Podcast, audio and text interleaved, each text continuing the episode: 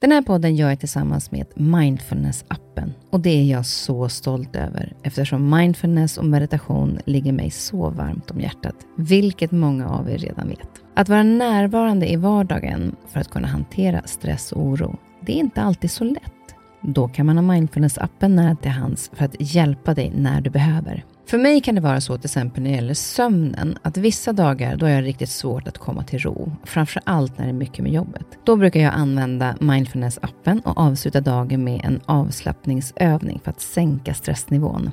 Det gör det så mycket lättare för mig att somna sen. Oavsett om du kämpar med sömnlöshet, stress eller bara behöver en stund för dig själv så har Mindfulness-appen verktygen för att hjälpa dig att slappna av och sova bättre. Appen är utformad för att passa in i din livsstil med korta övningar som passar även de hektiska schemana. Som lyssnare till Nyfiken på så får ni 40% rabatt på prenumerationen av Mindfulness-appen. Länk till erbjudandet ja, det hittar ni i poddens Instagram, kaspersen nyfikenpa. Eller så går ni in på themindfulnessapp.com kristin. Välkommen till min podd Nyfiken på. Här får jag chansen att möta människor som jag är nyfiken på utifrån deras historia, kunskap eller erfarenheter. Människor som jag inspireras av och förhoppningsvis kan vi med det inspirera er. Och om ni gillar avsnittet får ni jättegärna dela det så fler får chansen att lyssna och det ger mig också möjligheten att få spridning på podden så att jag kan fortsätta länge att bjuda in människor till roliga och intressanta samtal. Glöm inte att du också kan gå in och prenumerera eller följa podden så missar du inte när avsnittet släpps. Veckans gäst är Annika Trogen. Hon gick från att vara chef i finansvärlden till att starta eget som båtinstruktör och det vid 50 års ålder. Det beslutet tog hon efter att hon drabbats en tredje gång av utmattningssyndrom. Det var inte bara det hårda tempot och stress inom jobbet som ledde till att Annika hamnat i utmattning flera gånger. I det privata livet var det också stress och sorg då hon gick igenom en skilsmässa, hennes mamma gick bort och hon hade också två små barn hemma. Att välja en ny inriktning inom yrket och få kunskap om återhämtning, det var räddningen. Jag är nyfiken på hur hon hanterade sin utmattning efter allt som hänt hur hon hittade verktygen att ta sig tillbaka och hur hon gick tillväga för att våga lämna ett toppjobb för att istället starta eget. Jag mötte Annika första gången när jag och mina söner hade en dagskurs med henne för att bli ännu tryggare med båten och med havet. Och jag inspirerades direkt av hennes lugn, kunskap och livshistoria som vi bara hann snudda vid lite grann. Så jag är så glad att få träffa henne igen här i podden och få dela hennes härliga energi, lugn och klokskap med er. Men det är ju så härligt att eh, få träffa dig igen. Eh, vi hade ju en eh, fantastisk dag, jag och mina söner, med dig på båten. Ja, roligt. Mm. Ja, Annika, det var en helt magisk dag och vi hade då bokat några timmar med dig. var fem timmar fem vi faktiskt var ute. Yes. det blåste rätt duktigt den dagen, vilket vi faktiskt kom fram till att det var bra. Ja. För då fick man ju liksom lära sig, när det är lite stökiga omständigheter, att hantera båten. Mm. Och Det var som en av mina söner sa, jag måste nästan läsa här, för jag, jag tyckte det var så bra. Det är så skönt att lära av någon som är så lugn, men ändå full av energi. Oj, ja, vad fint sagt. Ja. Det, och, mm. det var, och Då sa jag, precis, jag vill ja. bli som Annika. Ja. så snart ska jag köra båt som du. Jaha. Men, men eh, den energin och den glädjen i ditt yrke, det, det är liksom någonting som verkligen inspirerar, men det har inte varit en enkel resa till där du är idag. Men vi, om vi tar det liksom lite grann från början, för du började ju inom finansbranschen. Ja. Mm. Vad gjorde du där? Jag var personalchef på ett kapitalförvaltningsbolag. Um, så att, ja, jag var global chef. De hade verksamheter över stora delar av världen. Så att, uh, där jobbade jag och jobbade hårt. Hade, det var också världens roligaste jobb. Det var skitkul. Men uh, ja, tog i lite för hårt. Vad var det inom finansvärlden som, om man tänker på yrket i hela... Alltså du hade ju ändå en ganska lång karriär där. Ja, ja. Som du gillade? Jo, ja, precis. Och jag har ju egentligen Eh, Eh, jag jobbar då med personalfrågor på slutet, men jag har en bakgrund från Handelshögskolan och har liksom varit i näringslivet i alla år. Eh, och jobbat då, dragits till miljöer med eh, väldigt högt tempo. Eh, det har alltid varit eh, entreprenörsdrivna bolag med full fart och man har liksom anställt mycket folk och expanderat och öppnat nya kontor ute i världen. och sådär. Det är ju väldigt roligt. Det händer alltid någonting nytt. Det finns alltid utmaningar. Det är en massa begåvade människor. Eh, det har varit fantastiskt, måste jag säga. Men ja, då har jag ju kört lite hårt. Mm. Mm. Ja, och, och det, Mm. det är ju det som också är, eh, kan jag tycka, eftersom ja, du har drabbats av utmattning och det har ju även jag gjort. Och, Mm. och Jag tyckte någonstans att det är svårigheten, för att när vi har roliga jobb, Mm. så, så kör man liksom på. Man triggas ju väldigt mycket av Mm. det här roliga och det som händer och man känner att man går vidare. Så Mm. det blir inte kanske riktigt att man känner av. Hur var det första gången när, när eh, nu är det ju tre gånger, och första Ja. gången, vilket år var det? Det var i samband faktiskt med 9-11. Jag jobbade på EF, språkreseföretaget. Eh, så att eh, då var det full fart, eh, minst sagt, i en verksamhet som då var väldigt beroende av resande. Och Då hade jag både en personalchefsroll och jag var också ansvarig för språkresor i eh, södra Europa. Så Mm. att det, var, det var extremt hektiskt och jag veckopendlade till Schweiz eh, just då. Så att, eh, nej men eh, då var jag ju, satt jag och grät på morgonflyget till Genève varje måndag och eh, undrade varför, hur blev det så här? Men fattade liksom inte riktigt att det var kroppen som sa ifrån att jag hade ju världens roligaste jobb. Varför sitter jag här och gråter? Alltså just det Ja. att man inte förstår sina egna tårar egentligen. inte alls. Nej. Kunde du kunde inte se så att alltså, jag är bara trött? Eh, Du förstod inte? Det är ju, låter ju helt märkligt i efterhand, men jag tror att eh, jag hade liksom inte riktigt tid att tänka på det. För det var ju, man tycker ju ofta att man håller på med så viktiga saker. Ja. Vilket man i perspektiv så där kan eh, tycka kanske är lite... Ja, men I efterhand kan man tycka att det känns lite lustigt att man tar både sig själv och en del eh, andra saker på så himla stort allvar och tycker att eh, Gud står och faller med min insats. Liksom. Eh, det gör det ju oftast inte. Eh, det finns ju andra saker som är viktigare. Mm. Men så att jag, eh, då fick jag faktiskt eh, diagnosen utmattningsdepression. Eh, Så jag har alltid kämpat mot att ha varit väldigt ledsen. Mitt uppe i all den här energin som jag har och tycker att det är så roligt med många saker, och så, där, så har jag ju då eh, varit ganska ledsen också. Eh, Och inte fattat att det var bara kroppens... Vissa får andra kroppsliga problem och jag fick då tårar som en sån liksom, grej. Så att depressionen var egentligen inte att du var deprimerad, Inte deprimerad, över nej, någonting, utan nej. det var mer att... att Trötthet, tror jag faktiskt. Ja. Men just det här, att märkte, hade du märkt några signaler innan du satt och grät på planet? hade jag ju säkert. Eh, så här, lite korttidsminne. Här, man står och ska in på sin egen portkod och bara, nej, hur var det nu? så här, jag kommer inte ihåg den. Eller så här, just så här, sifferkombinationer till eh, kontokortet. Och, ja, men det, som bara, hmm. Jag brukar vara rätt snabbtänkt och sen bara, nej, nu tog det stopp. Det bara koppla inte i huvudet. Mm. Eh, så att, visst fanns det signaler, men de, de tog jag inte till mig. Nej, och riktigt. det, det brukar man ju höra att det är ganska vanligt, just det där att, att man inte riktigt... Jag kommer ihåg att jag hade parkerat bilen eh, när jag hade, var och klippte mig. Och sen när jag kom ut tänkte jag, vad fan ska jag ställt bilen? Mm. Så jag fick gå runt med den här blippen. Tills jag, till, var Tills det jag- blinkar någonstans? Ja. Och det lustiga var när jag såg bilen, så tänkte Mm. jag, gud, parkerar jag där? Mm. Alltså inte ens då kopplade Nej. jag. Och sen när jag tittade tillbaka i efterhand, Ja. då kunde jag ju se flera olika saker Mm. som hade hänt under vägens Mm, gång. Men det är precis ju så. väldigt svårt Ja. när man är mitt uppe i det. Vad hände då? Blev du sjukskriven? Mm. Då var jag sjukskriven eh, ett tag. Eh, ja, det där var ju humor också. För att, och Sen slutade jag då på, på EF. Eh, och så slutade jag i eh, ja, men slutet på december. Liksom. 4 januari då satt jag på eh, flyget till Asien. Då skulle jag luffa med en kompis runt i liksom, eh, Asien. Och så här. Man, man har så hög takt i allting istället för att liksom, fatta att nu måste jag vila. Nu måste jag liksom ta det lugnt. Och bara, ja, då, hade, då var det ju full fart på det som jag ansåg var vilsamt. Liksom. Resa. Eh, jag åkte ner och hyrde ett hus i Italien en månad och skulle liksom bara vandra och meditera. Jag satt ju där, var på, på nålar. Liksom. Mm. Eh, så, så att eh, jag fortsatte lite hög takt. Tror du Trots att det jag var var det ledig. svåraste? Ja, att, att få ner absolut. tempot? Ja, Ehm, det var det helt klart svåraste. För då, den gången var jag inte så dålig att kroppen la ner.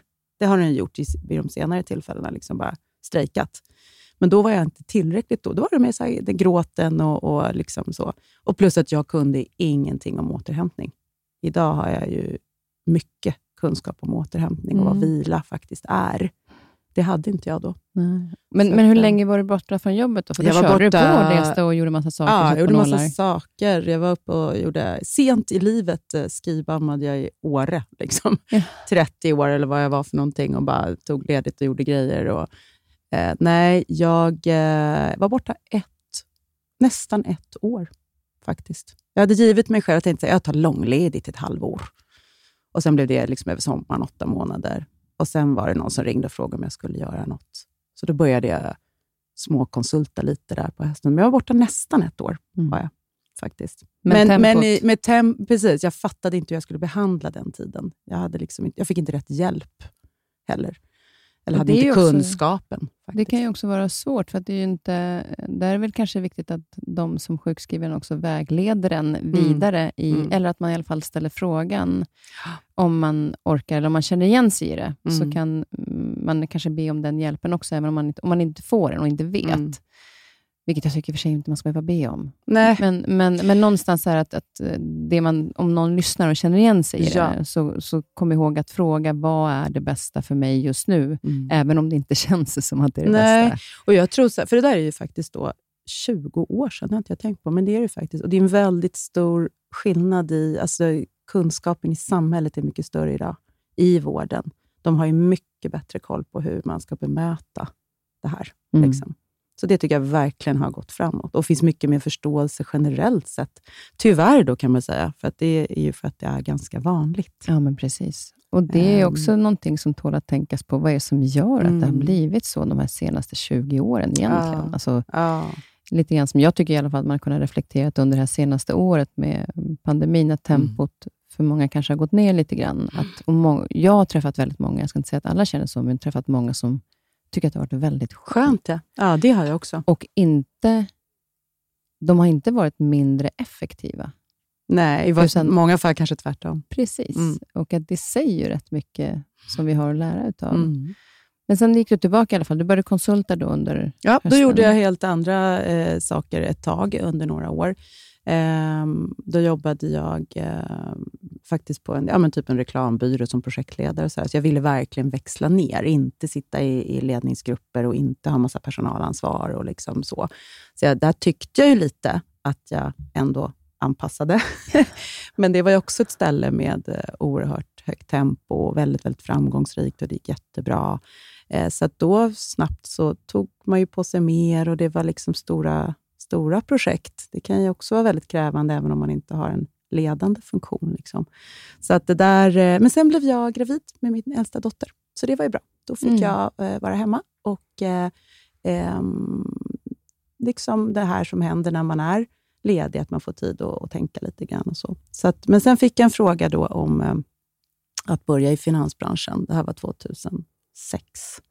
Eh, och Då tänkte jag först att nej, inte. Ja, det, den branschen vill jag inte till. Det Varför för, vill du inte det? Då? Ja, men lite sådär... Jag hade jobbat en sväng också på McKinsey som rekryteringschef, inte som konsult, men som rekryteringschef. Eh, och, eh, ja, men det är ganska hårda, hårt tryck och kanske vassa armbågar och lite sådär. Men, men jag har ju haft glädjen att få vara på ett bolag där det inte var så. Ett högst mänskligt finansbolag. Liksom. Eh, så att jag har haft det jättebra där, eh, måste jag säga. Eh, men det, och det har inte att göra med arbetsgivaren när man blir lite risig. Det har att göra med ens egen hur man hanterar det. Att man bara hoppar på allting och tycker allting är roligt och svårt att säga nej. Man bara kör. Liksom. Men det är också, jag tänker att det, är, det har ju med en själv att göra, men det kan också vara ganska svårt. Man vill visa framfötterna, ja. man vill mm. eh, lära sig mer, det, man vill utvecklas. Och Då är det mm. ju lätt att mm. det är så här, ja men då säger jag ja, ja. för mm. att tanken nästan kanske tar över mer än vad man, om man känner efter vad kroppen och ja vad vi ja. mäktar med. Ja.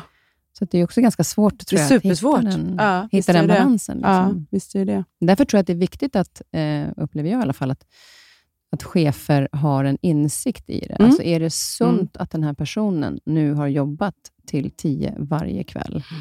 Mm. Att jag kan känna ibland att det är faktiskt också ett ansvar mm. från den personen att säga så här, vet du vad, mm. du har jobbat för mycket. Om mm. du fortsätter så kommer du inte orka och vi vill ha kvar dig länge. Ja. Ja, så är det ju. Verkligen. Mm. Där tycker jag också att, att uh, kunskapen om att man inte håller, den här hållbarheten som folk pratar om ofta kanske i andra sammanhang, men den hållbarheten rent eh, i, ett, eh, i ett arbetsliv finns ju också där. Just det här att kör inte fullt nu, för då håller du inte. Du ska hålla lång tid här hos oss. Liksom. Den tycker jag också har blivit bättre. Mm.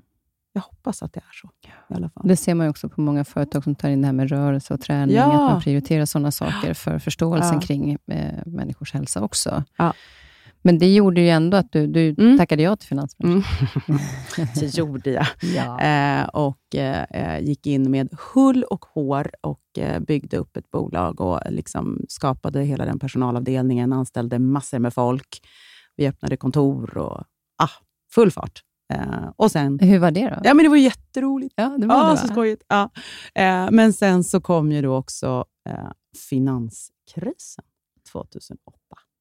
Det är faktiskt en rolig grej. När vi hade bokat med ledningsgruppen och alla chefer att ha, eh, åka till Yasuragi och ha Mm. teambuilding. Vi hade flugit in folk då från, kom liksom från Hongkong och Moskva och gud vet var. Och så hade jag bokat skrattyoga. Det är ändå roligt. Det. typ, vi skulle ha en massa ledarskapsutbildning och så här. Så hade jag bokat skrattyoga. Så klev, eh, kom jag till parkeringen på Yasuragi samtidigt som en, en kollega. Så öppnade vi dörrar, bildörrarna. Så hade vi haft på, båda två haft på P1. Då hade Lehman Brothers kraschat i, i eh, New York. Man bara, så, nej men vilken skrattfest. Vi går och har skrattyoga.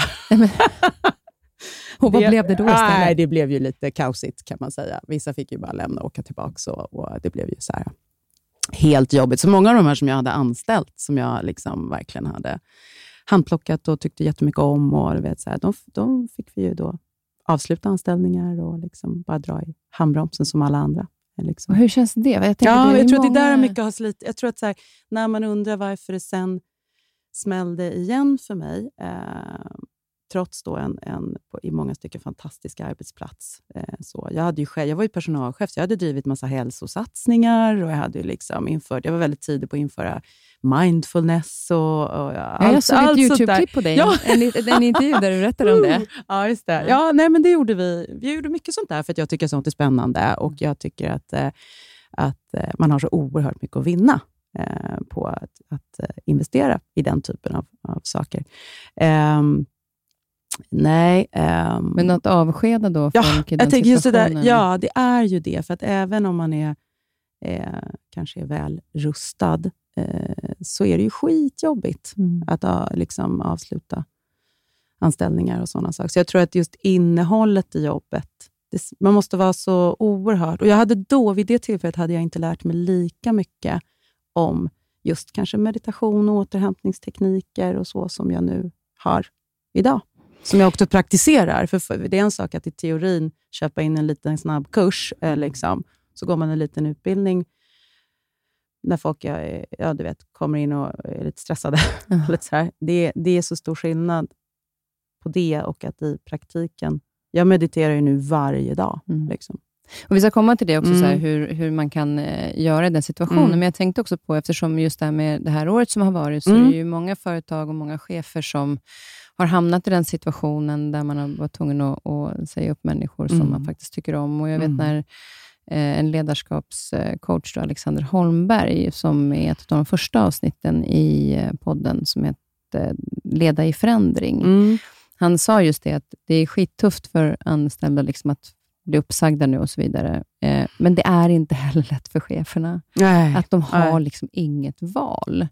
Och Jag träffade en, en kompis till mig som är VD för ett större bolag. Då frågade jag så här, hur går det för er nu? Mm. Han sa att ja, det är som för alla andra, att det är tufft. Liksom. Fast det kan jag hantera. Men Mm. att säga upp personal, Mm. det gör så jäkla ont. Ont. Ja, Ja. det är så jobbigt. Och hur Mm. tärde det på dig? Ja, jag tror att det tär ju, det tär ju verkligen på eh, alla förstås. Sen tror jag just det där, om man är en person som engagerar sig väldigt Mm. mycket, eh, så, så tär det väl ännu lite till. Så är det väl. Så att eh, det där, nej, det var jätte, jättejobbigt Mm. på alla sätt och vis. Så det är ju, och det tror jag ofta det är, det här med varför man blir dålig i en utmattning. Det är nog ofta just många många bäckar små på något sätt. Att det liksom är många olika faktorer som bidrar. Det är ju väldigt sällan kanske att det bara är en yrkessituation. Det är också hur man har det privat eller hur, liksom vad som finns runt den eh, i mångt och mycket.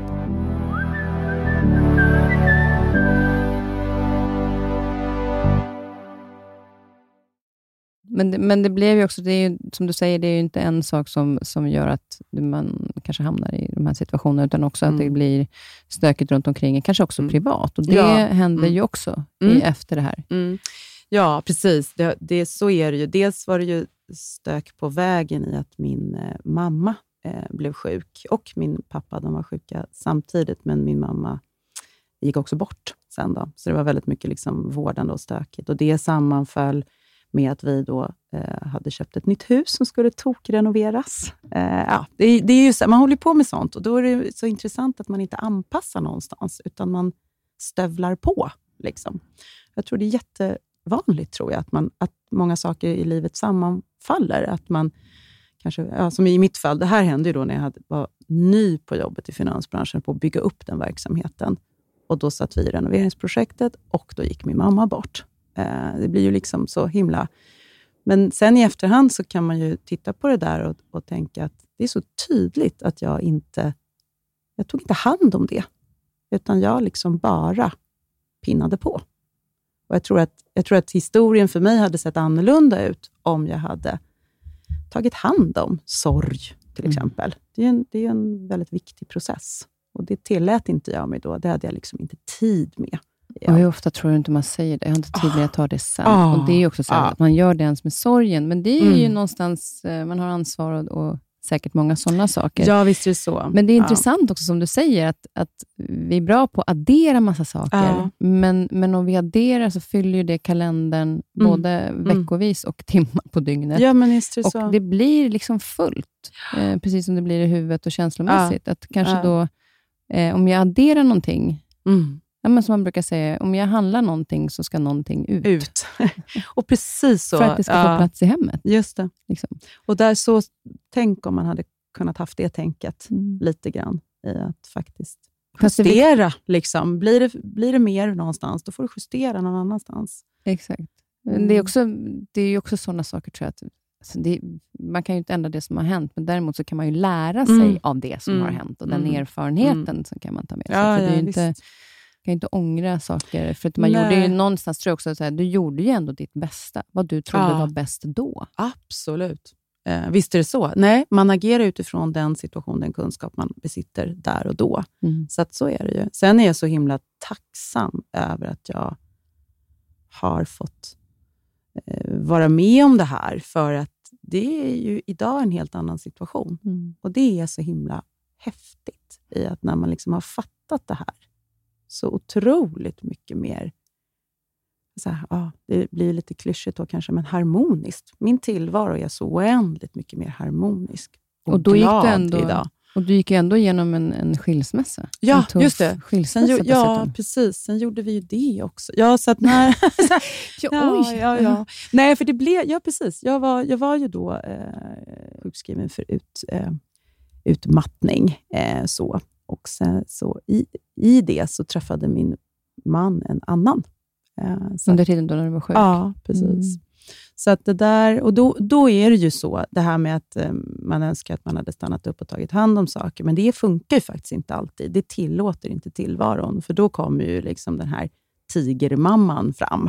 Då måste man ju bara så här, jobba, skaffa ett nytt boende. Det är ju bara att liksom se till att allting funkar.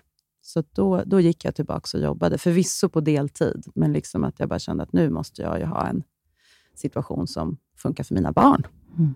Man drar in någon reservbatteri som Ja, egentligen inte ens Nej, finns. det var ju lite så.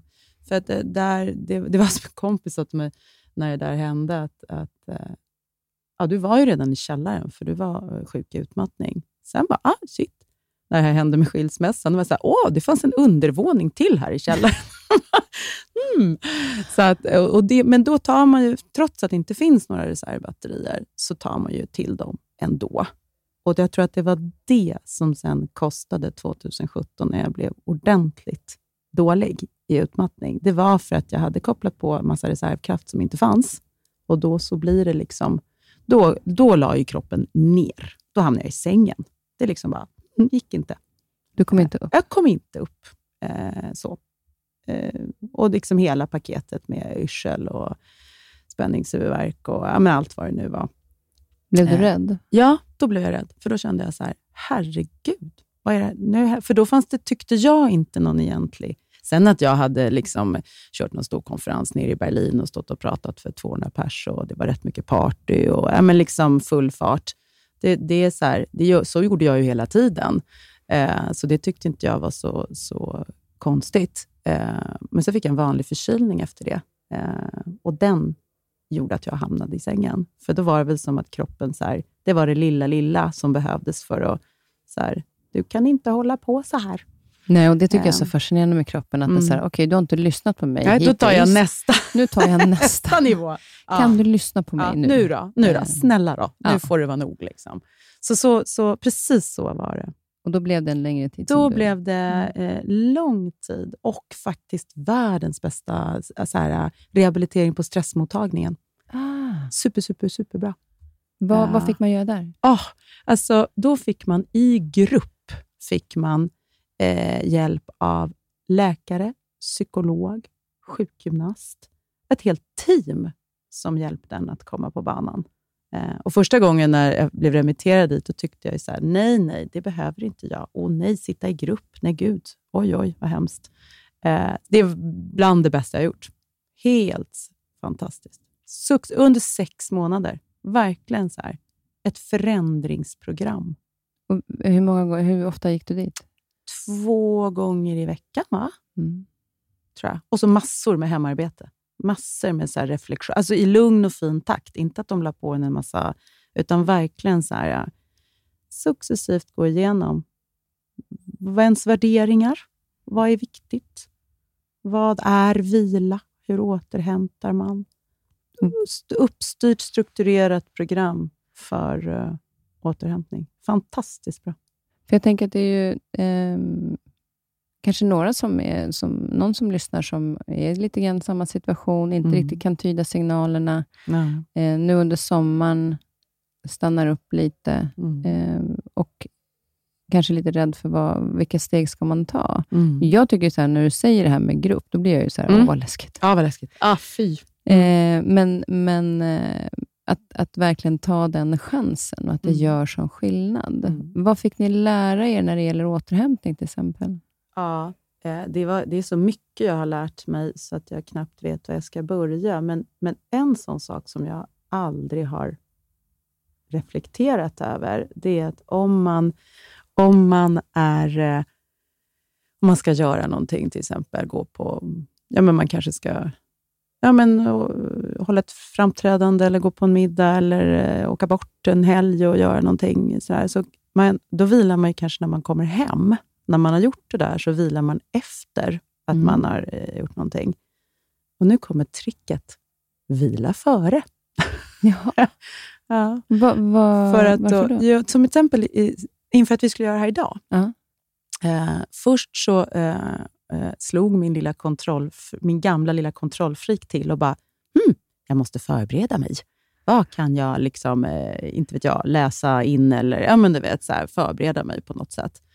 Och sen så tog jag min relativt sett nyvunna kunskap och bara, nej, men det bästa jag kan göra för att det här ska bli bra, det är att vila. Så att eh, verkligen ta det lugnt innan jag ska göra någonting. För då vet jag att mitt huvud är mer med. Och Vilket att, sätt vilar du på då? Ja, men alltså igår låg jag ju på sofflocket på verandan. Oh, Gjorde jag.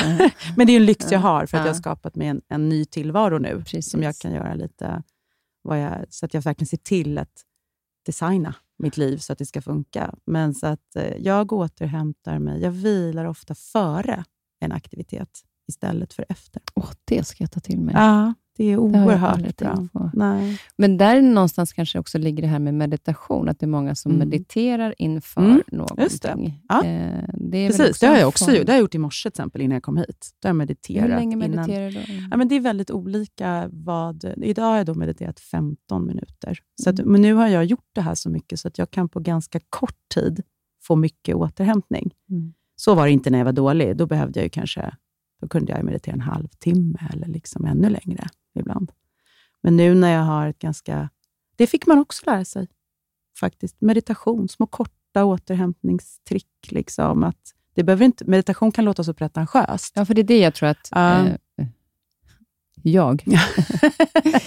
ja, Nej, men jag ju, älskar ju yoga och allt sånt där. Ja. Och jag har ju, men med lite grann hyperaktiviteten då som ADHD, Mm. så har jag ju svårt att få stilla huvudet. Och Det har ju också Mm. gjort att jag har svårigheter med meditationen. Mm. Att jag sitter liksom försöker meditera i tio minuter och det studsar ju Mm. upp i mitt huvud. Mm. Ja, ja, men det gör det. Det är som popcorn. Ja. alltså, så här, man blir helt trött. Och jag Ja. bara, men alltså, när ska det stilla sig? Ja. Liksom. Men att, att, eh, vad jag har förstått så är ju det, även om det gör det, Mm. så fortsätt. Mm, precis så. Och det, jag har ju alltså poppat hela eh, SFs största låda i huvudet. Det bara liksom flyger. ja, jag, hade så, jag tyckte det här var så jobbigt i början, för det var liksom... Nätt, jag har haft mycket sömnproblem, så nätterna har ju varit, det har verkligen varit som att liksom, det är som att gå på cirkus. Liksom. Det bara snurrar, snurrar, snurrar tankar och poppar grejer och sådär. Och så blir det när man sätter sig och mediterar också, för att det är för, det är för mycket som är på gång i huvudet. Och då, då fick vi på stressmottagningen fick vi börja med väldigt konkreta och enkla övningar. Där det kanske är, ja, men det handlar om att ta några djupa andetag och kanske se sig omkring och lyssna. och liksom Mer såna här praktiska, konkreta övningar för att stanna upp och vara här och nu. Snarare än att man ska liksom sätta sig och göra någon transcendental meditation. Alltså det behöver inte alltid vara så mycket. Jag tror folk har ibland för stor ambition.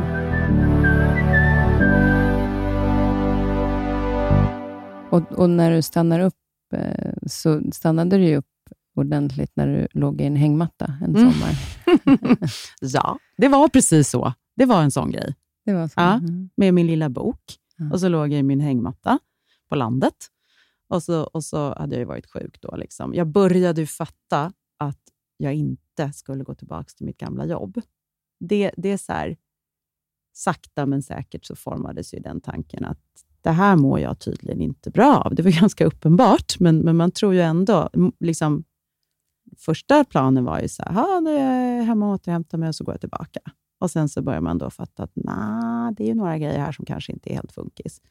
Och så, och så låg jag och funderade i min hängmatta. Så här, ah, men vad vill jag göra? Vad är min värderade... Jag har alltid velat vara utomhus. Jag känner mig så instängd på kontor. Det har jag Mm. alltid gjort, men inte, då har jag liksom gjort friluftsaktiviteter när jag varit ledig.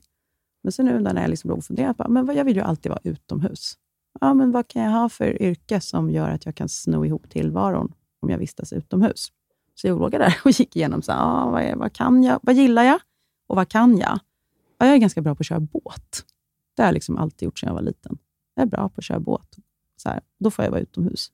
Så bara, mhm, jag kanske ska lära folk att köra båt.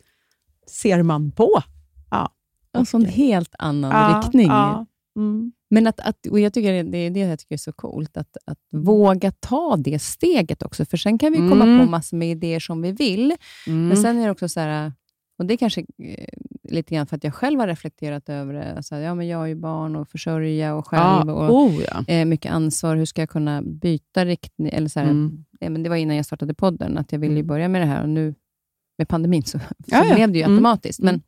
Innan jag hade funderat på det, Mm. att klara övergången. Eh, läskigt. Jättesvårt. Alltså, ja. hur upplevde ja. du det? Tyckte du det var läskigt? Ja. Jag tycker fortfarande att det är läskigt. Tycker jag ju. Liksom. Mm. För att jag är ensamstående med två barn och höga bolån. Nej, men liksom, det är klart att det är läskigt. Och Det gjorde nog att jag liksom höll kvar i det här eh, välbetalda jobbet i finansbranschen. Det är klart att jag hade mått bättre om jag hade slutat den då förra gången jag var utmattad, liksom, eh, så, istället för att köra på lite till. Men jag vågade inte.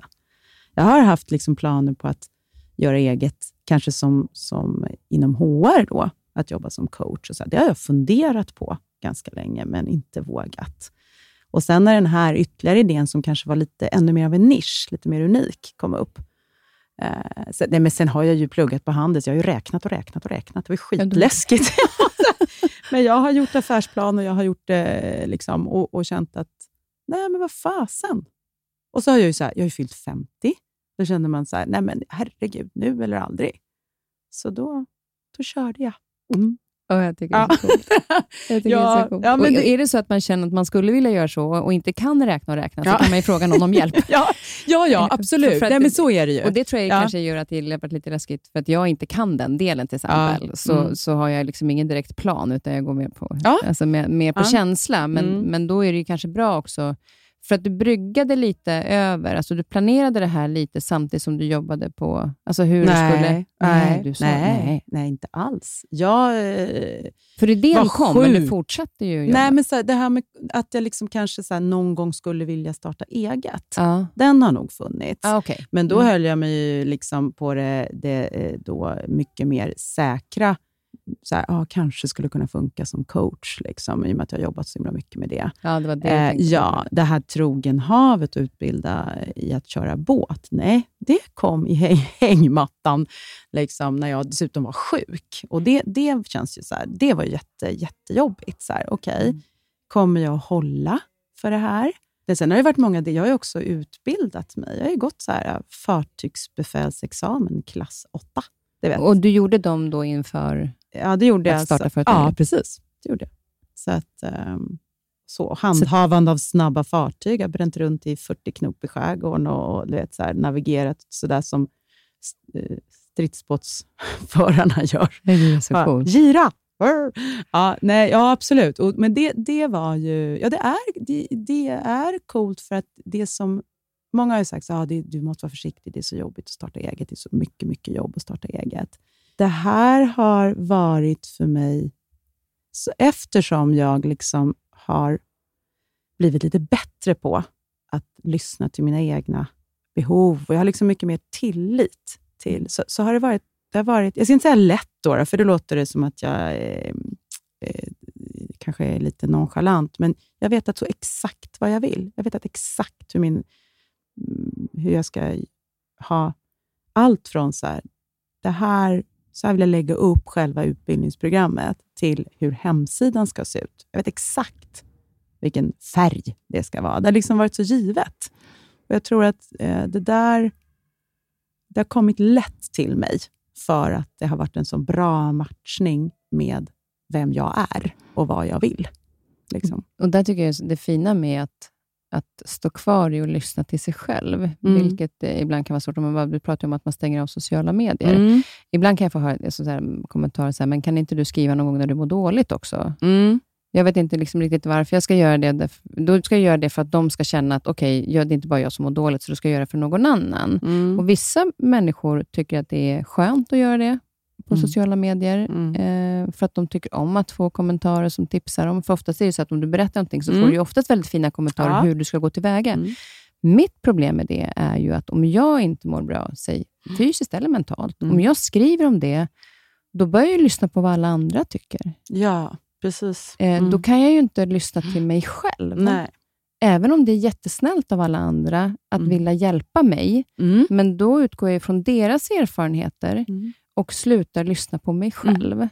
Så skillnaden för mig är ju att jag vill ju jobba, just det du pratar om, att det här är det jag vill göra, det här är det mina behov är. Mm. Sen kan jag gärna berätta om det som du sitter och gör nu. Mm. Ja. Att man Mm. i efterhand kan berätta, Mm. så här var det, det var tufft, men Mm. jag lyssnade på mig och gick Mm. den här vägen. Mm. Eller sökte hjälp hos Mm. en läkare för att det var Mm. fysiskt. Mm. Alltså vikten av att stanna upp och lyssna till sig själv. Och Då säger jag verkligen inte att, att det är fel att lägga ut om man mår dåligt, för alla har vi olika behov, men mitt behov är att lyssna till mig Ja. själv Mm. först. Mm. Och det är ju det du gör i det, även om folk kan avråda dig till att starta eget, Mm. Mm. så är det Mm. så här att stå kvar i den Mm. grejen kan vara ganska tufft ändå. Ja. Ja, och det, det är ju så att de flesta har blivit väldigt liksom, glada när jag har berättat att jag ska göra det här. och liksom, ja, Rolig och bra idé. Sen kan man se då en, en del personer runt mig som kanske så här, mer av omsorg för mig. Så här, ah, du vet, kommer du få ihop det? Alltså rent ekonomiskt. Mm. Liksom, Oj, mm, så. Eh, och, och Det är ju av omtanke och den uppskattar jag jättemycket. Men jag liksom, det, är- det är sån häftig grej i att så här, min magkänsla har varit superrätt.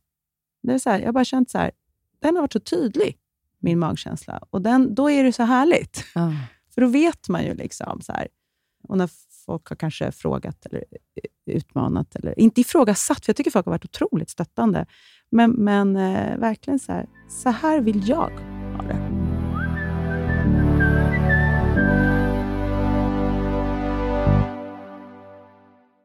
Hur ser dina dagar ut idag? Om du, liksom så här, var har du landat någonstans mm. efter den här eh, resan under de här ja, 20 åren? Ja, tänk va. Ja. Nej, och det är ju så här, men det är ju väldigt härligt att jag eh, får nästan så nypa mig lite i armen, för att jag har haft en plan om hur jag vill ha mitt liv. Och så har jag så här, sakta men säkert byggt det, den tillvaron. Eh, så att jag är utomhus väldigt mycket. jag är utomhus och på havet nästan hela tiden. Eh, och sen då, man måste ju även liksom administrera lite. Ja, men då får jag sitta hemma eh, på, i mitt fantastiska boende, där är jag eh, liksom, nära havet. Nära havet. Och det är, är lugnt och fint och grönt. Eh, och eh, där kan jag då administrera de tider jag vill göra de här fakturera, allt det här som man måste göra. Det är inte ens en belastning. Jag trodde det lite grann, för jag hade liksom så svårt för datorer och Excel. och Jag tyckte allt sånt där var jättejobbigt efter att jag blev dålig. Nu tycker jag att det är jätteroligt att fakturera. Jag tycker det är skojigast jag vet att så gå in och fippla och dona. Och, och Jag har ett litet Excel-ark där jag håller koll. Och, ja, men jag tycker det här är jätteroligt. Så att jag har fått en kombo. Jag är ju jättemycket ute på havet hela tiden. Eh, men jag får också en liten dos av det här leka kontor. liksom. och på dina villkor. Ja, på, på mitt sätt. Liksom. Och Sen är det också att jag får träffa jättemycket spännande människor. Det är väldigt, väldigt roligt. Det hade inte jag tänkt på riktigt. Jag tänkte på att jag skulle... Jag ville ju... Min grundidé var att jag vill att fler ska känna sig trygga och därmed ha roligt när de är ute med båten. För att jag tycker att jag har stött på så många som tycker att det är lite, lite så nervöst det är lite jobbigt. ja. Det var därför jag bokade dig. ja, det finns till och med de som faktiskt här, har kommit och i regelrätt rädda mm. och liksom tycker att det är så här, ångest. Och då, då tycker man så här, men gud, ska du vara ute på din semester och det är bara jobbigt allting? Mm. Och att det blir lite tjafs ombord. Det kan också vara så här, hoppa älskling, hoppa! Och så, så här, blir det liksom lite knas. Eh, så att där var ju min att jag ville bidra till liksom ökad trygghet och säkerhet. Jag är ganska mycket säkerhets tänk i det jag gör och sådär. Och att därmed alla ska kunna få känna sig bekväma och ha kul. Eh, sen att jag också fick som bonus att jag får träffa en massa härliga människor. Det hade jag bara inte riktigt tänkt in. Eh, så det är ju eh, jätteroligt. Så mina dagar ser ut som så att jag eh, kör båt med eh, härliga, intressanta människor och bidrar till att att de, det var just det där, jag hade en kurs igår. Då var det en tjej som var riktigt, riktigt rädd. Mm. Eh, och så har vi kört då liksom en kvällskurs om tre tillfällen. Och så, så här, när vi summerade igår, och hon liksom så här, jag känner mig mycket tryggare nu. Mm. Jag vågar köra båt. Alltså det är ju så här, då blir man så här, hi. Det är mm. jätteroligt. Liksom. Ja, för det är ju uh. fantastiskt att vara ute på havet. Jag älskar ju havet och har ju eh, inte kört båt i så många år, men mm. tycker att det är helt fantastiskt. Mm. Och det är ju, men sen är det framförallt de här situationerna som man kommer till som inte hela, man inte riktigt är beredd på, eller mm. man möter flera båtar i kanalen, Djurgårdskanalen då, som ligger i Stockholm, som mm. är ganska trång. Och mm. Där har jag hamnat där jag mött liksom, vid en bro, tre båtar och jag ska hålla mig kvar. Alltså, här, och Man lär sig mycket såklart, mm. på, på, men, men bara känslan av att så här, den här situationen kan jag hantera. Mm, eh, mm. Eh, men också en sak som jag tänkte på förra året. Jag har inte känt mig så här, jag är inte alls rädd för att köra båten och sånt där, utan däremot så var det ju förra året med pandemin, så upplevde jag att det var så mycket mer båtar. Och jag upplevde inte att alla var supertrygga på, i sina båtar, mm. för att kanske inte ha kunskap eller så. Och Då kände mm. jag så att nu vill jag i alla fall bli mer trygg, för att mm. nu är det lite mer stökigt här ute. Det är mm. fler båtar och det och också därför jag vill ha med mina söner. För att när vi är ute så mm. vill jag ju att hela familjen ska mm. förstå. Eh, för händer det mig någonting så måste någon annan kunna köra båten. Just det. Eh, och det du också så här, pratar om med familjerna till exempel. Mm. Där, hopp i land älskling. Mm. Fast om älsklingen också får vara med på en ja, kurs ja, och mm. också förstå. Mm. Mm. Tänker du också lite grann att den delen tycker jag är väldigt fin? Ja, och det har faktiskt varit jätte... Vi pratar ju mycket om kommunikation ombord, hur så här, man har ett språkbruk så alla förstår. Att, eh, och, och man så här, vet vad som händer och om, om något skulle gå snett så är man ganska snabb på vad alla ombord ska göra och liksom att man fattar att man är samspelt och sådär. Och har man med sig gäster ombord som inte är båtkunniga, ja, att man är tydlig i liksom sina instruktioner och sådär. Då hade jag en så himla gullig tjej härom, härom helgen som vi la till i naturhamn och det är lite trixigt. Då måste mm. man, så här, var ska man lägga... Så här, folk tycker det är ännu obehagligare då, för då ska man då liksom köra rakt in i, i berget. Liksom. Ja. Och var kommer vinden ifrån? Ja, precis. Eh, och att eh, det då eh, kan hända grejer och så. Eh, om man ska planera sin tilläggning så man är trygg, om man ska stanna över natten till exempel. Och Då vet jag att hon sa så himla bra. Hon bara, hmm, nu förstår jag. För hon har alltid haft så bråttom in i, så här, ja, men nu, här ligger, ja, men det här blir bra.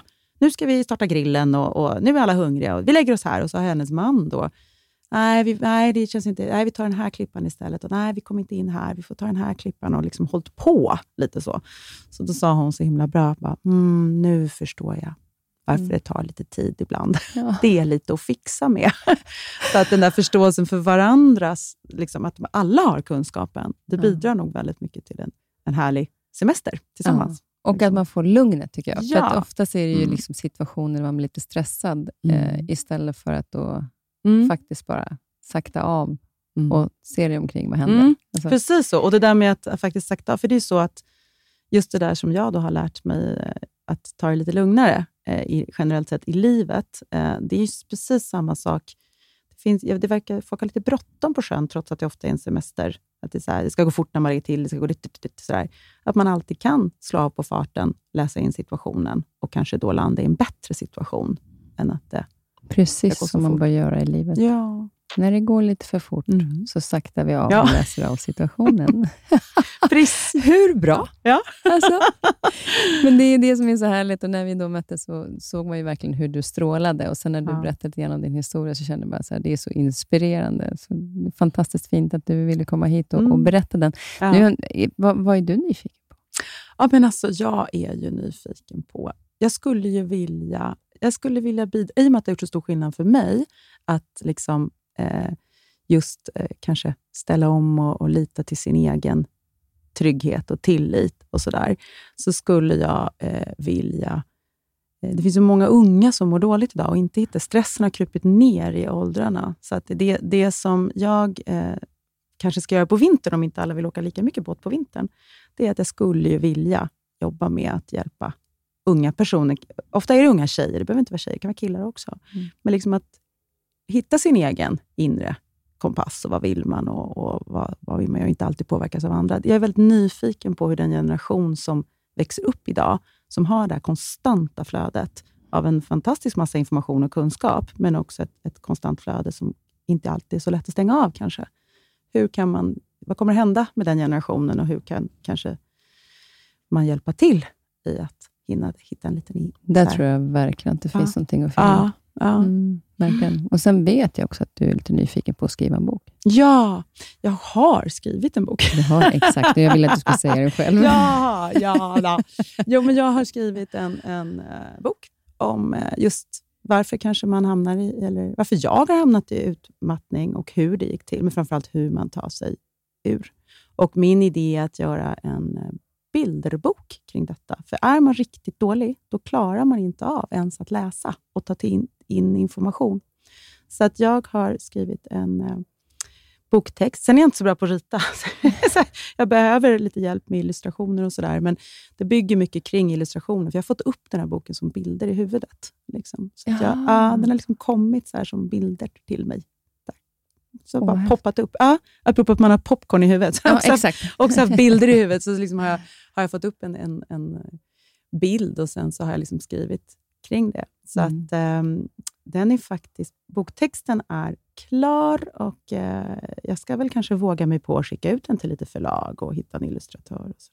Vad spännande. Mm, jag hade tänkt göra det nu här, men jag fick så mycket att göra på sjön, så jag har inte hunnit. Nej, nu får du hålla ja, på sjön ett tag till under sommaren. Jag håller på sjön faktiskt. Ja, ja verkligen. Ja, eh, så fantastiskt fint att ha dig här och jag är så tacksam att vi eh, har mötts, för mm. du verkligen inspirerar mig på så många sätt. Och eh, Jag sa det direkt när jag såg Annika, när hon kom ut så här, trygg, glad och eh, bara älskade sin båt och bara, hej! Och jag bara, jag vill bli som du. Så att jag får köra lite mer med dig, Ja så ska jag också bli riktigt, riktigt trygg i Ja de flesta lägen i alla fall, så Mm. många som möjligt. Mm. Eh, vi ska avsluta med en, en låt. Mm. Vilken har du valt? Jag har valt eh, Nirvanas Come As You Are, som jag älskar och eh, har på väldigt ofta. Mm. Då lyssnar vi på den. Mm. Stort tack och en fortsatt fin sommar. Ja, men detsamma. Nu ska vi eh, fika våra... Du är också Ja.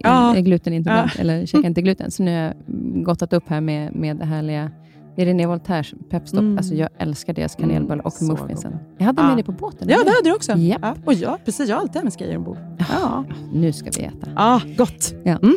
Tack snälla för att jag fick komma. Ja, tack snälla. Och sen, jo, det ska jag säga innan vi slutar. Det här är jätteviktigt. För Mm. om man vill komma i kontakt med dig Mm. så finns hemsidan, det är trogenhavet.se. Yes. Mm. Och sen också finns du på Instagram. Mm. Trogenhavet. Ja, Tack så mycket. tack.